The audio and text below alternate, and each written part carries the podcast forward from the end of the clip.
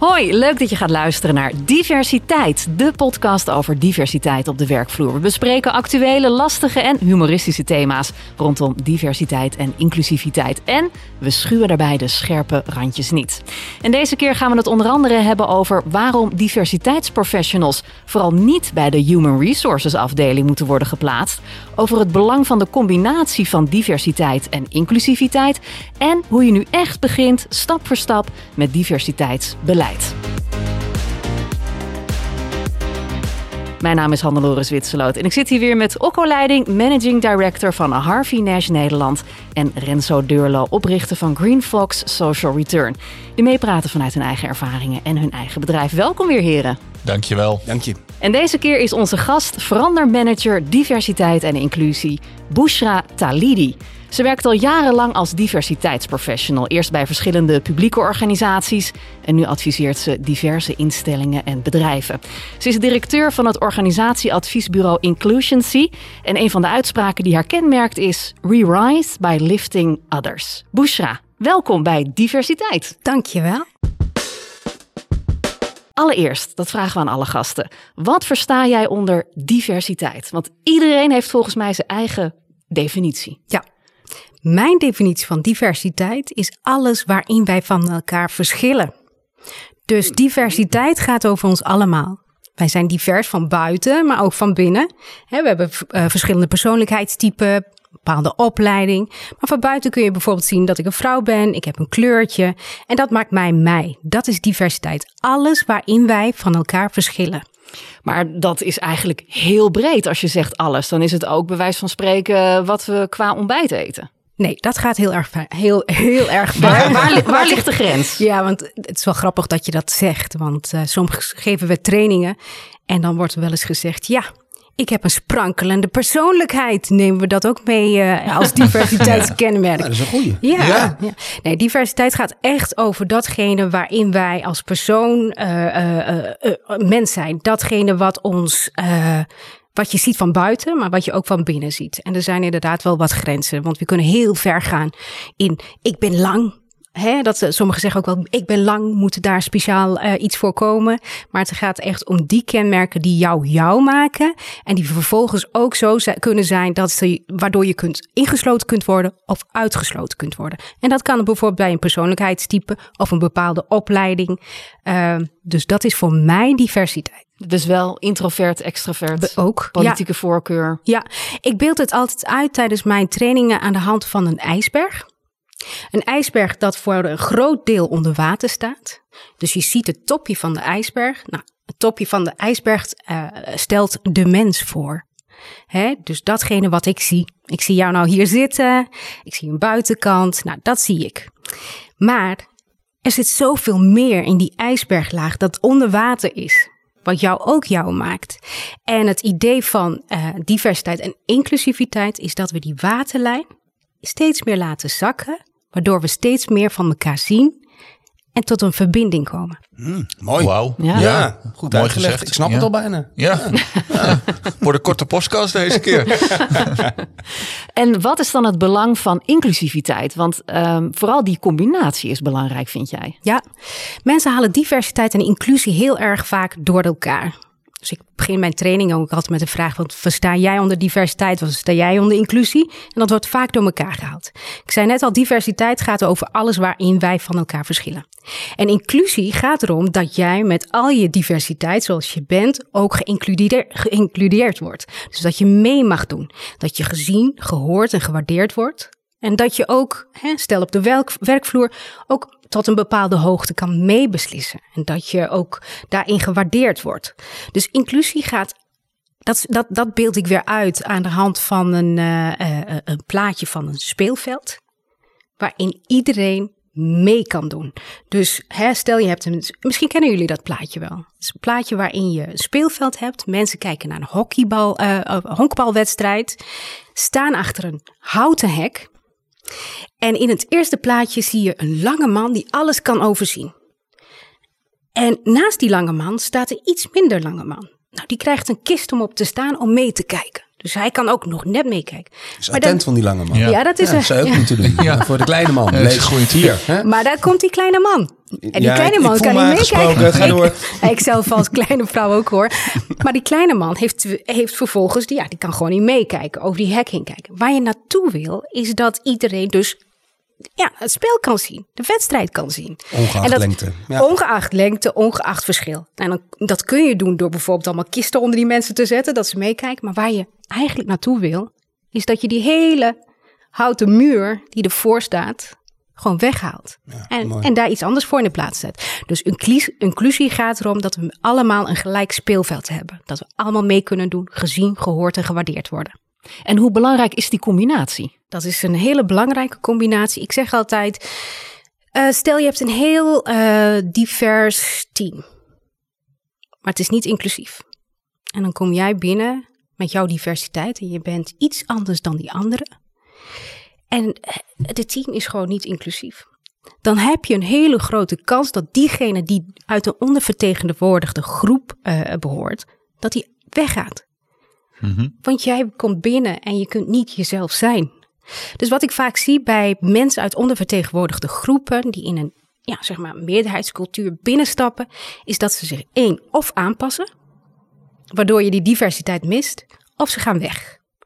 Dus zo'n inclusieve werkvloer is ontzettend belangrijk, want als je niet inclusief bent, dan heb je niks aan die diverse stem die je juist wil horen omdat die meerwaarde geeft. Ja, en gaat dit vaak mis, naar jouw ervaring? Ja. Want het klinkt nu heel logisch, maar ik denk er van ja, ik kan me ook voorstellen dat bij veel bedrijven inderdaad dat, dat stapje naar die inclusiviteit, dat dat er gewoon niet is. Nou, ik, uh, wij worden wel eens ingevlogen en dan zeggen ze wij willen meer diversiteit. En dan beginnen ze bij inclusief werven en selecteren. Dat kan, maar het is veel verstandiger om eerst te zeggen van nou, we moeten zorgen dat ons werkvloer inclusief is. Voor de mensen die er al zitten. Want ik zei net al, diversiteit gaat over iedereen. Dus dat je ervoor zorgt dat de mensen die aan het werk zijn al sowieso het gevoel hebben van nou, dit is een inclusieve werkvloer. Dan kun je bijvoorbeeld ook denken aan hoe is ons promotiebeleid geregeld? Is het gelijkwaardig? Is het transparant? Of hoe zijn onze exit-procedures? Als mensen weggaan, monitoren we dan ook nou, anoniem waarom mensen weggaan en wat doen we met die opbrengst? Onze vertrouwenspersonen. Zijn ze toegankelijk voor iedereen?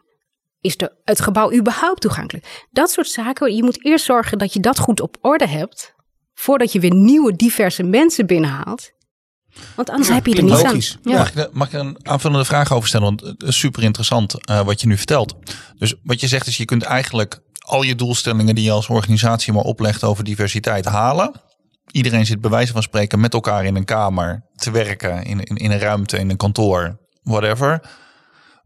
Maar iedereen zit op zijn eigen eilandje. Ja, wat ik eigenlijk. Ja, of een bepaalde groep kan ze maar uitspreken. Dus dat niet iedereen ze durft uit te spreken vanuit zijn eigen zijn. Ja, ja, ja als jij een ander geluid laat horen, is dat dan ook welkom. En je wil juist mensen binnenhalen met andere geluiden, want dat is de meerwaarde van diversiteit en inclusie. Wat ook interessant is, is als jij werkt aan een inclusieve werkvloer, is psychologische veiligheid ontzettend belangrijk.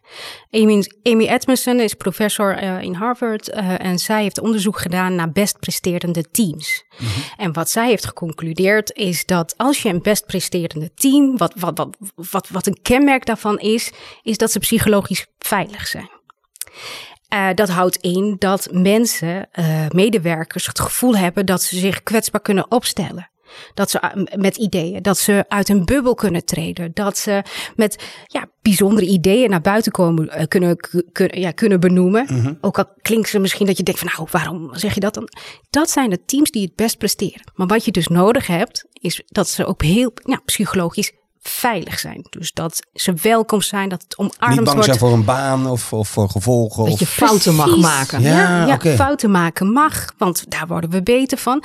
En wat zij zei uh, in de combinatie van diversiteit, uh, ze zei, wat blijkt uit onderzoek is dat als je diverse teams hebt en het is niet psychologisch veilig, dan presteren ze minder goed. Dus dat is een hele belangrijke voorwaarde. Ja, zij heeft het gemeten. Zij heeft een, oh. een groot onderzoek gedaan en, uh, bij uh, Google. En uh, ja, dat waren haar bevindingen. Maar dat vind het is ook wel heel logisch. Want Maar stel je nou eens voor, hè? ik heb een, eh, een groot bedrijf. Dus niet zoals nu, maar echt een heel groot bedrijf. En er werken 10.000 mensen. En ik wil diverser worden. Ik zie dat er te veel Renzootjes rondrennen, dus dat is, dat is bloedirritant. We willen het wat diverser hebben. Ik ga een beetje googlen. Ik kom bij de expert Boucher terecht. Ik zeg, nou, kom eens langs. Wat gaan wij doen? Ja. Wat nemen mee in, in deze... dit traject. Ja, hoe Ja. gaan we dit aanpakken? Ja. Dan zou ik zeggen, Renzo, vertel eens, waarom heb je me ingeschakeld? We hebben veel te veel. Renzo's. Te We veel Renzo's. Te veel eh, zeven vinkjes. Ja. Het lijkt allemaal op elkaar, het lacht op elkaar schrappen. Het, Ja. is, eh, Dan is mijn tweede vraag, maar waarom ja, is dat een probleem? nou, het, is minder leuk. Je wil toch wel eh, eh, verrast worden, je wil geïnspireerd worden, je wil nieuwe verhalen horen in plaats van elke dezelfde flauwe grappen. Oké, als je dat weet, waarom lukt het dan niet? Omdat Renzo's wel erg graag met Renzo's omgaan, ben ik bang. Ja. Ja, ja. Ja, nou, die lachen hè? ook elk om dezelfde grappen. Ja, Ja, ja, het is ook wel heel fijn hè, met, met jezelf, herkenning. hè? Heerlijk, Dus, heerlijk. En het werkt zo makkelijk. Ja. En dan, eh, nou ja goed, wat ik doe eh, bij organisaties als ze me vragen van kun je ons helpen met diversiteit en inclusiebeleid, is dus echt even doorvragen waarom willen jullie dit? Hè, wat is nou de achterliggende eh, ja, reden? En wat vaak een reden is, ja, bij rechtvaardigheid. Hè, bij, het kan, kan toch niet zijn dat sommige mensen hier niet binnen kunnen komen. Eh, bij Rijksoverheid of bij gemeenten zit het er vaak in die legitimatie. Wij willen aansluiting vinden bij de samenleving. Ja. Afspiegeling zijn. Precies, ja. ja, Want je werkt voor je mensen, dan moet je je mensen kennen, dan haal je expertise in huis. Maar wat je ook hebt, is dat je gewoon creatiever en innova- innovatiever wordt. Kennen jullie het voorbeeld van die eh, zeepdispenser die alleen op een witte hand werkt? Nee? Nee? Ja, dat was in Nige- Nigeria en dat was in coronatijd. Was bij eh, Facebook en eh, ja, de medewerkers gingen dan eh, met hun handen onder de zeepdispenser. Werkte niet bij een zwarte hand, alleen een witte hand. En als je een wit papiertje onderdoet, werkt die ook. En hoe komt dat nou? Dat kwam omdat het werkt op licht. En de onderzoekers hebben dus eh, iets bedacht. En waarschijnlijk vanuit een hele witte bril. Maar als je kijkt naar, de, res- naar het resultaat, is het gewoon een product dat gewoon niet goed is. Nee, bizar. Ja, maar jullie kennen natuurlijk ook... Racistische zeep. Ja. Nee, echt. Als, nou, hier wordt heel woke Nederland wakker van. Dit, Ja. dit- Ja, maar dat is ja. super onhandig natuurlijk. Zeker, Ja, want je, je, je wil iets goeds maken, toch? ja. Ja, het geldt ook voor de crash test dummy. Misschien kennen jullie dat voorbeeld. Ja, dat dat mannen Ja. zijn en Ja. geen vrouwen. Ja. Ja, Precies. die Ja. weet ik. Ja, uit de jaren zeventig Ja, ook, hè? Het is dus een- hele kleine kereltjes. Ja. Ja. Ja, En bedankt. Voor jou is het heel Ja, ik veilig. zou zeggen, elke auto is niet veilig voor mij. En bedankt. maar even terugkomen op de vraag, Boesje. Ehm, stel je voor, het is een, een, een groep van 100 mensen. Zeg jij dan, eh, ik moet, we moeten vijf mensen uit deze categorie blauw hebben, wat groen en wat geel en wat paars. En hoe ga je op een gegeven moment zeggen, oké, de diversiteit is er. En nu gaan we door naar de inclusiviteit. ja, ja. Ja, nee. Wat je doet is eigenlijk tegelijkertijd, wat ik zei al, hè, als je diversiteit en inclusie wil, dan begin je eigenlijk bij het begin en dat is waar staan we nu. Ja. Dus dan maak je een plaatje van, nou, we hebben zoveel vrouwen, we hebben zoveel mannen en Mhm. eh, wij willen ook wel wat meer eh, mensen met een andere culturele achtergrond. We hebben Ja. de wet baanafspraken, hoe Ja. doen we daarmee? En eh, misschien willen we wel juist verjongen. Als je het plaatje hebt, dan kun je gaan praten met elkaar over het plaatje dat je eigenlijk wil hebben. En daarvoor stel je dan doelstellingen. En ik zeg zelf altijd, als je een doelstelling hebt, veranker ze. Hè? Bijvoorbeeld in de planning en control cyclus. Eh, zodat je elke keer weer, weer kunt kijken, maken we voortgang. Ehm, dus wat ik even, even terug naar jou vraag. Hè? Jij, haalt, jij vraagt mij, Boesra, kom eens hier. Dan ga Ja. ik met je praten van waarom wil je dit? Waarom Ja. is het belangrijk? Voelen waarom. Draagvlak creëren. Hè? Dus dat je echt, echt ook begrijpt van eh, dit is voor ons belangrijk. Want als we dit niet doen, dan gaan we niet mee met onze tijd. Dus Maken die motivatie producten. moet echt van binnenuit komen Absoluut, dan? ja. Dus ik ga het ze ook niet vertellen alleen. Ik wil dat zij er zelf, organisatie zelf mee komen. Want anders heeft het ook geen nut. Nee, daar moet ook draagvlak voor zijn. Absoluut. Ja, dat snap ik. Ja. Ja, dus daar moet je echt goed over praten. Vervolgens creëer je een visie. En dat doe je op basis van, hier staan we nu. En dit is wat we willen zijn. En daarom en daarom gaan we dat doen. En doe je dat dan naast HR? Dus zeg maar, er wordt iemand nieuw aangenomen. We gaan een, eh, een, een nieuwe eh, manager aannemen. En jij ziet dat er heel veel blanke mannen zitten. Dus we denken nu, we nemen een gekleurde vrouw bijvoorbeeld. En dan hebben we, daar hebben we laatst een discussie over gehad. dan neem je misschien niet de beste kandidaat. Ja. En, en hoe werkt dat dan met HR, dat spanningsveld? Ga je dan in gesprek met HR en zeg je, ja, ik snap dat dit de beste kandidaat is, maar toch gaan we voor de mindere kandidaat, maar die is diverser? Ja, ik vind het wel mooi dat je zegt de, de mindere kandidaat. Ja. Hè? ja. Maar die- het wordt- een groep wordt kijk, beter dan, hè? Ja, kijk. Als je diversiteit wil, dan wil je dat omdat je beter wil worden. Niemand wil aangenomen worden omdat je dan, ja, je bent wel minder, maar doe maar mee. Dus, en, en dan waar het om gaat, is als stel, hè, je gaat voor mensen van kleur, dan heb je daar een reden voor. Bijvoorbeeld als je voor een gemeente bij de Rijksoverheid, jij wil representatie van die groep, want je wil die mensen kennen. Wat neemt zo'n persoon dan mee? Culturele bagage. Die persoon kent de doelgroep en brengt een bak kennis mee Ja. die je niet hebt. Dat is kwaliteit. Ja. En daarom kies je voor die persoon. Dus wat zet je dan in zo'n vacature? Wij willen als competentie interculturele sen- sensitiviteit. Of kennis van bepaalde Juist. netwerken. Ja, dat snap is. ik. Dus Ja. je kiest niet iemand die minder is. Nee, nee, nee. Zeker niet. Je hebt Je gaat iets beoordelen wat in het verleden niet is beoordeeld. Je gaat iets meenemen wat je in het verleden nooit hebt meegenomen, terwijl je het wel had moeten meenemen als kennis. Ja. Maar wat je ook doet is, eh, wat, wat ik ook belangrijk vind bij die kwaliteitsdiscussie. Ik had laatst iemand die zei, een directeur die zei, bij een eh, grote, eh, eh, zieken, groot ziekenhuis. Ja, we moeten toch de keu- keuze maken. Gaan we nou voor diversiteit of voor kwaliteit? Ja. Maar wat is kwaliteit en wie bepaalt wat kwaliteit is? Kwaliteit is subjectief. Ja. Ja. Ja, dus dat is wel iets even om, om over na te denken. Maar jou, even terug naar jouw vraag. Je zei, Nou ja, standaard is kwaliteit te meten van opleidingsniveau en aantal jaren ervaring. Maar jij zegt dus dat er nog heel, een heel breed scala aan extra kwaliteit is. maar is dat zo? Hè? Je kunt jezelf afvragen. Is kwaliteit een opleidingsniveau? Of is kwaliteit iets wat iemand meebrengt... wat niet per se met een papiertje gemeten wordt? Ja. Is datgene wat bijvoorbeeld iemand is mantelzorger jaren... Ja. Maar dan ga je dus eh, je ook bemoeien met interviews. Want dan zeg je van oké, ik wil dat bijvoorbeeld de, de culturele sensitiviteit, wat zei je? nou? Sensitiviteit, ja. Juist, Ja. dat- ja, een woord wat je niet zo vaak hoort.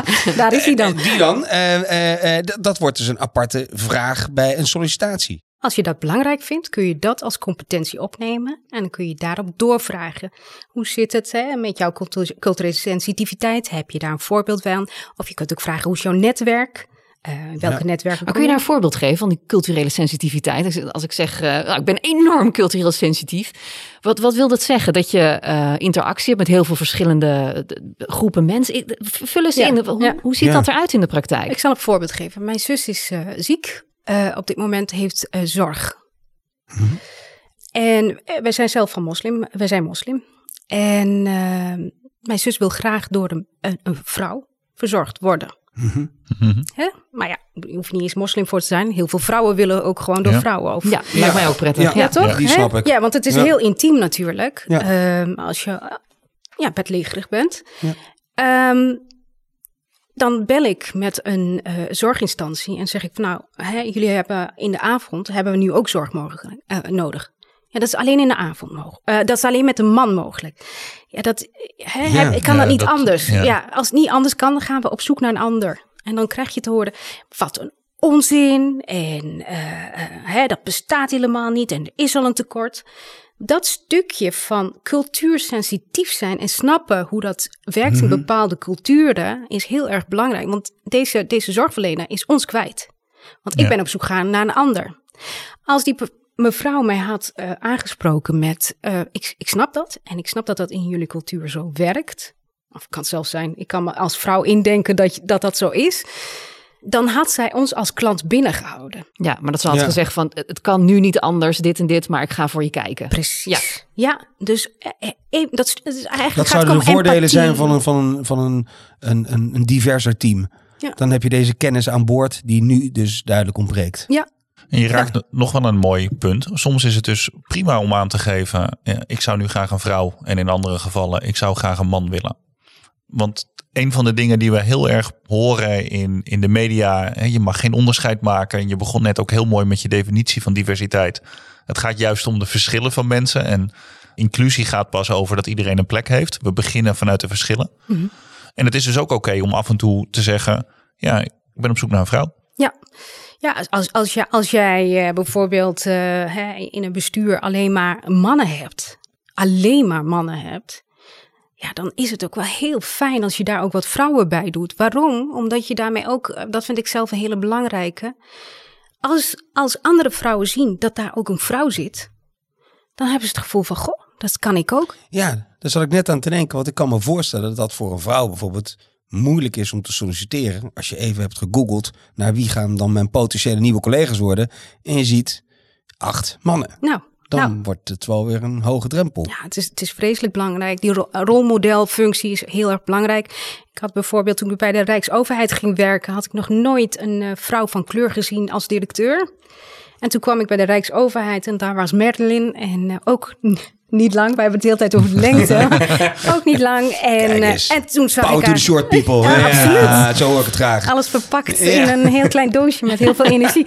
Maar nee, maar toen zag ik haar en toen dacht ik, hey, dat kan ik ook. Dus, dus dat is ook heel belangrijk.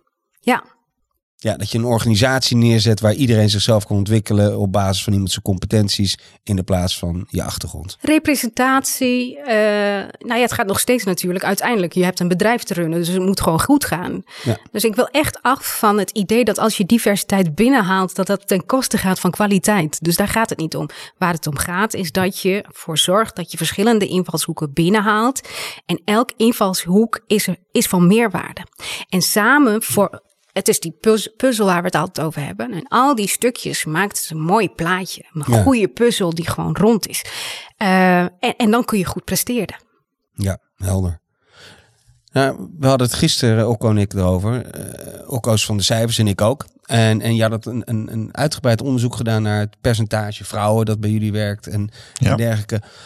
Eh, en ook verschillende achtergronden. Ehm, is, dat, zou, is dat een doelstelling die je vooraf kan neerstellen in het begin van een, van een traject? Dat je zegt van oké, dit is de afspiegeling van de Nederlandse maatschappij. Er zitten zoveel mensen met een die achtergrond, die achtergrond, die seksen. Gaan ze maar door. En als we die een beetje hebben en we gaan ook nog eens een keer inclusief. Ja, dan is het hele plaatje rond en worden we het beste bedrijf van Ja, Nederland. dan, dan, dan, is allemaal- klaar. dan is klaar, dan is de wereld. Nee. Ja, nou, het kan wel. Wat er gebeurt is dat er gekeken wordt naar het arbeidspotentieel. Hè. Je kunt niet zeggen van nou, kijk, wij willen een afspiegeling zijn, want niet iedereen heeft de, de juiste papieren of de skills. En je hebt Ja, mensen die baby's, je hebt ouderen. En, dus je moet echt kijken naar het arbeidspotentieel. Eh, en op basis daarvan worden heel veel ambities, streepwijze, cijfers eh, gemaakt. Eh, kijk bijvoorbeeld bij de gemeente Arnhem, waar ik gewerkt heb. Bij de Rijksoverheid hebben ze dat. gemeente Amsterdam.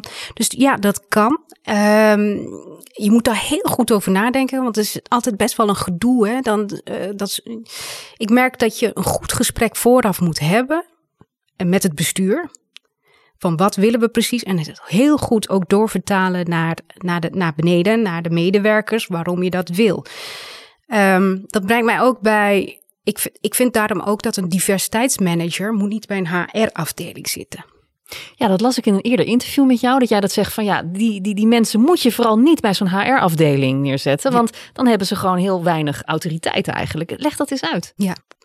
Vooropgesteld, het is heel belangrijk dat die manager goed in contact is met de HR. Dus dat is echt heel erg belangrijk. Dus je moet het niet loszien. Maar divers, werken aan diversiteit en inclusie gaat niet alleen over HR-beleid. Werken aan diversiteit en inclusie gaat over een cultuurverandering. Dus dat betekent ook dat je communicatie goed moet nemen, organisatieontwikkeling. Alle aspecten moeten mee. Het gaat ook over beleid die je maakt. Dus als jij een HR of, of een eh, D&I-manager plaatst bij HR, wordt het gezien als alleen maar HR. En dan moet alleen HR aan de bak. Ja, die moeten ook aan de bak, maar niet uitsluitend. Wij doen dit met z'n allen omdat wij een beweging op gang willen brengen, zodat iedereen ja, inclusiever gaat worden. Hoe communiceer je? Communiceer je inclusief? Bijvoorbeeld hè, bij de afdeling communicatie. Dus daarom zeg ik, nou, ik word ook vaak geplaatst naast, eh, bijvoorbeeld bij gemeente Arnhem was dat bij de gemeentesecretaris. Daarvoor was het bij, ehm, Oh, dat is gewoon echt helemaal aan de, aan de top. ja, Ja, ja, logisch op zich ja. ook. En dan straal je ook iets uit, hè? Van dit ja, is dan laat je wel zien dat het belangrijk is. Hoe kijk je, wat we hebben hier eh eh, Geert-Jan Baasdorp, echt een onderzoeker eh, gehad in deze podcast. En die had het over bonussen. Die zei dat we hebben, volgens mij uit mijn hoofd Procter Gamble. Die hebben gewoon een KPI voor inclusiviteit. En wordt er die behaald, dan heb je dus een vinkje minder. En dus gewoon centjes minder. En dat blijkt heel goed te werken in de praktijk. Hoe kijk jij er tegenaan? Kijk, vaak uh, als het al in, uh, als KPI is opgenomen in een planning en control cyclus, wat ik heel weinig terugzie, dan zie ik vaak dat er niet op toegezien wordt. Dan is er helemaal dan geen. Heb je er niks aan. Nee, dan heb je er helemaal niks van. Ik ben wel van opschalen. Dus we proberen het eerst met z'n allen hè, in de planning en control cyclus. Kijken of, je, of het vanzelf werkt. Werkt het niet, dan moet je elke keer kijken, nou, hoe kunnen we de boel wat uh, aanscherpen. Dat vind mm -hmm. ik ook trouwens met, nou, is het nou een streefcijfer of gaan we naar een quota? He, dus je moet elke mm -hmm. keer wel. Ik, ik, denk dat dat een heel goed instrument is. En als blijkt dat dat werkt voor ze, dan werkt het voor ze. Maar het, uh, ik zou wel heel erg gaan blijven voelen van, nou, werkt het nou echt? Of voelen of mensen. doen het alleen voor de centjes. Ja, precies. Ja, ja, is het ook echt intrinsieke motivatie? Dat blijft elke keer. Ja, maar weer. centjes staan natuurlijk ja. altijd op de agenda. Dus ik kan me voorstellen als dat het middel is. Ja, ja, ja en je nou, bereikt daarmee het doel. Ja. Maar ja, goed, hè, dan heb je het echt alleen over diversiteit, hè? Ja, ja, je hebt het niet over inclusie. inclusie. Ja. Dus dat, dan vraag ik me af in hoeverre hebben ze dat als KPI meegenomen? Hoe meten ze dat? En uh, ja. Het onderwerp KPI's is op zich wel interessant. Je noemde net ook innoverend vermogen en, en aanpassendbaar vermogen van de organisatie volgens mij. Um, hoe meet je dat dan? Hoe, hoe, hoe maak ik inzichtelijk dat doordat mijn team diverser is en inclusie goed geregeld is, ja. ik een beter aanpasbaar vermogen heb als organisatie of een beter innoverend bedrijf. Of een beter resultaat zelfs gewoon. Ja. ja. Goeie vraag. Ja. Nou, Dank je. Elke, organisatie, ja, elke organisatie doet dat op zijn eigen manier, want ze hebben allemaal hun eigen doelstellingen. Dus ze kijken heel erg naar hun eigen doelstellingen. Um, wat, wat belangrijk is, is uh, wat ik net al zei, je moet het meten. Je moet sowieso mm -hmm. gaan meten. Je moet weten waar je staat. Bijvoorbeeld het meten van inclusiviteit. Hoe doe je dat? Heb je dat in je medewerkersonderzoek staan? En welke uitkomsten staan daar? Stel je scoort ergens op een, uh, hè, het, uh, ik zeg maar wat, uh, het geven van feedback, scoor je een, een, een 5 op. Ja, dan ga je toewerken naar hoe gaan we dat ophogen, die cijfer. Uh, stel je hebt uh, gezegd van nou, wij willen die, uh, de, de, vanuit de wet uh, banenafspraak willen we een quotum halen. En willen wij, volgend jaar willen wij iemand vanuit die wet banenafspraken, maar niet in de lagere schaal, maar een keer in de hogere schalen. Want dat ja. zie ik vaak. Vaak is het in de lagere schalen. Uh, is dat gelukt binnen jouw directie of binnen jouw uh, DG, nou, directoraat-generaal? Uh, hè? Dus ja. dan moet je even kijken hoe je dat ingedeeld hebt. Dus je moet zorgen dat je harde cijfers hebt, dus dat mm -hmm. je weet waar je staat. En dan kijken of iemand daarin weer die volgende stappen zet. Wat ik ook gezien heb in, in de planning en control cyclus bij een organisatie, hebben ze gezegd van hoeveel trainingen afgenomen moesten worden. Hè? Hoeveel trainingen heb je uh, afgenomen? En, uh, over het onderwerp diversiteit ja. en inclusie of ja. in het algemeen? Ja. Nee, over die, iets wat bijdraagt aan diversiteit en inclusiviteit. Oké. Okay. Maar ik was al helemaal om om diverser te gaan. Maar stel je voor, ik ben een hele sceptische oude man. en, en, en ik hoor de hele tijd, ja. dan gaan ze als podcast op een gegeven moment over diversiteit. En ik hoor het van hè, de mensen om me heen, daar moet ik ook wat mee. Hoe ga je dat nou intern verkopen? Dat, dat we dit moeten gaan doen. Heb jij iets van cijfers, data waar je mee kan pronken, zeg maar. Maar kijk eens, inclusieve teams presteren 10% beter dan niet-inclusieve teams. Of is daar onderzoek naar gedaan? Ik verkoop niks. Ik, diversiteit en inclusie verkoop ik niet. Nee, die snap ik. Absoluut. Ik, het, het, is echt aan de organisatie om dat zelf te beseffen en op uh, een prioriteitenlijstje te zetten. Maar uh, uiteraard heb ik, uh, hebben we soms wel eens mensen die daar sceptisch over zijn. En dan ga ik niet met data zwaaien, het is belangrijk of wat dan ook. Maar stel het is die witte, witte man van middelbare leeftijd. Witte kleine man. Ja, ja, hij, kan, hij mag wat mij betreft ook groot zijn, maar goed. Nou, laten we het even klein houden. Fijn, ja. Nee, maar dan, dan, dan wat, wat ik doe is, uh, uh, stel je hebt er niks mee, dan ga ik vragen waarom. En besef je wel dat het ook over jou gaat. Over mm-hmm. jouw promotie. Uh, ja. hè? En dat jij, dat, dat jij daarin ook gelijk behandeld wordt. Uh, besef je de, dat dit gaat over jouw werkprestatie. Dat diversiteit en inclusie niet iets engs is. Dat je niet, want dat merk ik ook, hè, dat sommigen denken, ja, maar dat gaat ten koste van mij. Of dan moet ik aan de kant. Niemand hoeft aan de kant. We gaan gewoon plaatsmaken voor elkaar, zodat we samen nog beter worden. En we gaan ervoor zorgen dat jij, witte man, kleine witte man, dat jij nog meer gezien, gehoord, gewaardeerd wordt. Zodat je nog beter je werk doet en wij jou binnenhouden, zeker in deze krappe arbeidsmarkt. Dat is de manier waarop je het verkoopt. En ik ga het niet verkopen met, nou wist je dat, door, uh, hè, door, door aan diversiteit en inclusie uh, je minder ziekteverzuim hebt, je loyalere medewerkers, creatiever wordt, beter presteert. McKinsey heeft heel veel onderzoeken gedaan. Het blijkt gewoon uit dat je ook veel meer winst maakt, met name bij genderdiversiteit en culturele diversiteit. Dat vertel ik wel in mijn trainingen. Maar ik vind het belangrijker als mensen ergens iets voelen van waarom ze dat niet willen. Het zit soms in iets heel persoonlijks. Hè? Ja. Uh, en, en dat mis ik nog te vaak, dat we luisteren naar de mensen. Dat, dat sommige mensen zich niet open durven uit te spreken waarom ze niet aan diversiteit. En dat, ja, weet je, niks hebben met diversiteit en inclusie. Maar vaak zit er iets achter. En dat we naar elkaar luisteren en daarover praten. Ja. Ja. Mooi. Ja? Ja. Ja. Heb ik antwoord op je vraag? Ja, je hebt me niet overtuigd, want dat mocht niet. nee, dat doe ik niet. Zoek maar uit. nee. Als we naar je cv kijken, Bushra, is dat heel indrukwekkend.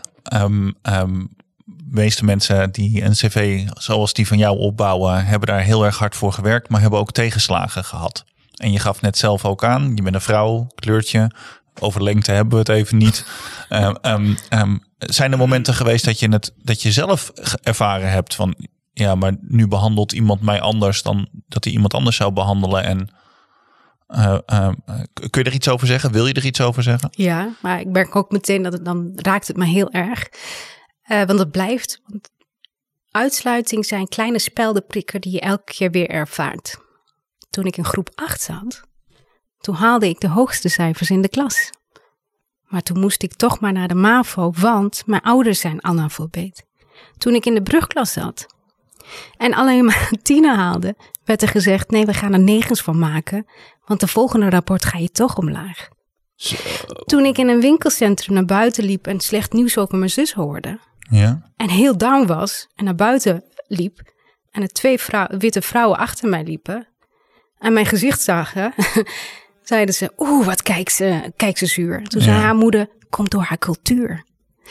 Toen ik Zo de dan. hoogvliet binnenliep en een skinhead achter en mij zag staan, liep hij op me af en duwde hij mij tegen een muur.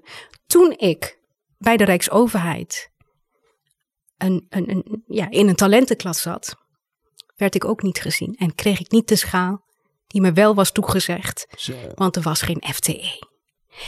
Maar ik had het wel goed gedaan. Als enige niet, hè? Ja, Ja. ja. Maar ja, precies. Maar dit zijn geen speldenprikjes. Nee, ik wou En- net zeggen, Oh, dit klinkt nou. meer als Ja, kleine mokers. ja. eh. Nou, nou, dan vertel ik jullie een stukje uit mijn leven. En ik zie natuurlijk ook hoe mijn moeder. En ik heb een witte schoonmoeder. eh, mijn man is eh, ja, Nederlands-Nederlands. Dus als ik met mijn schoonmoeder op de, op de markt loopt, dan wordt letterlijk gezegd: Mevrouw, wilt u dit druifje proeven? Of, of hey, mandarijntje. Ja.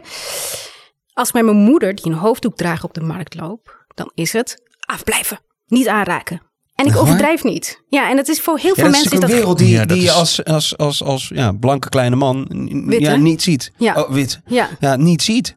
die zie je niet. Nee. Maar ik voel hem. Ja, natuurlijk. Nou, maar je En- ziet hem ook. Ja, ik voel hem, ik zie hem, ik neem hem mee. Maar ik weet tegelijkertijd maakt het me sterk. Ik ben, ik ben er heel sterk door geworden.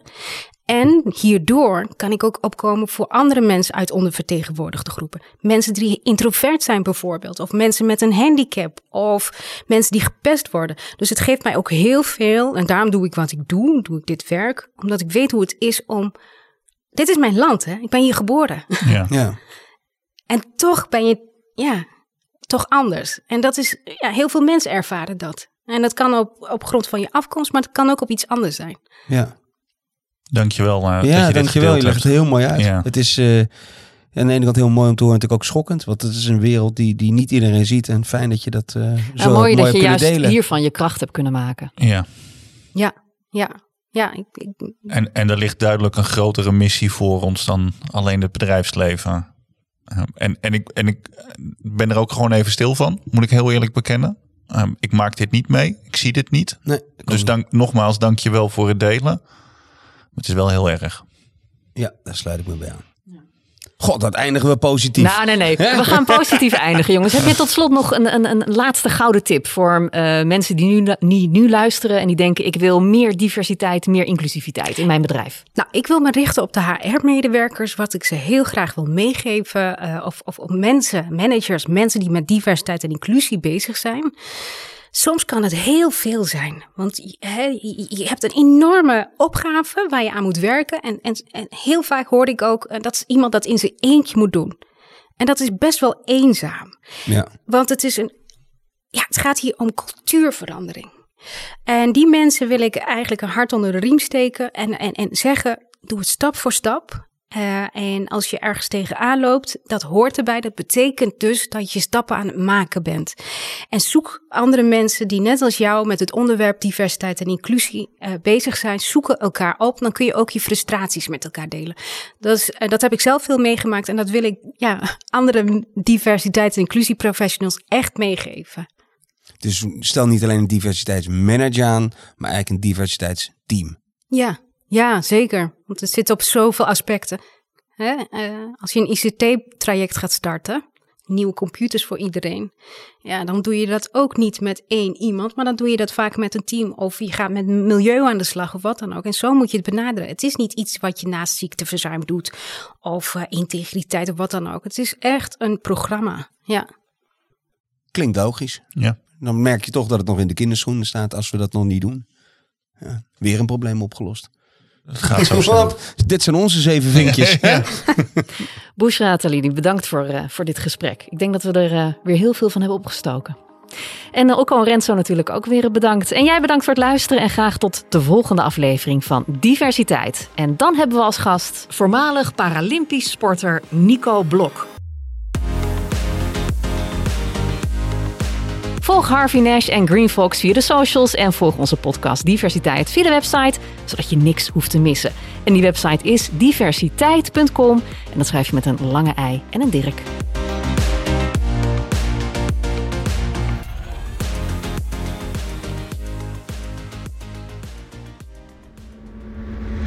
Deze podcast is met trots geproduceerd door Content Leaders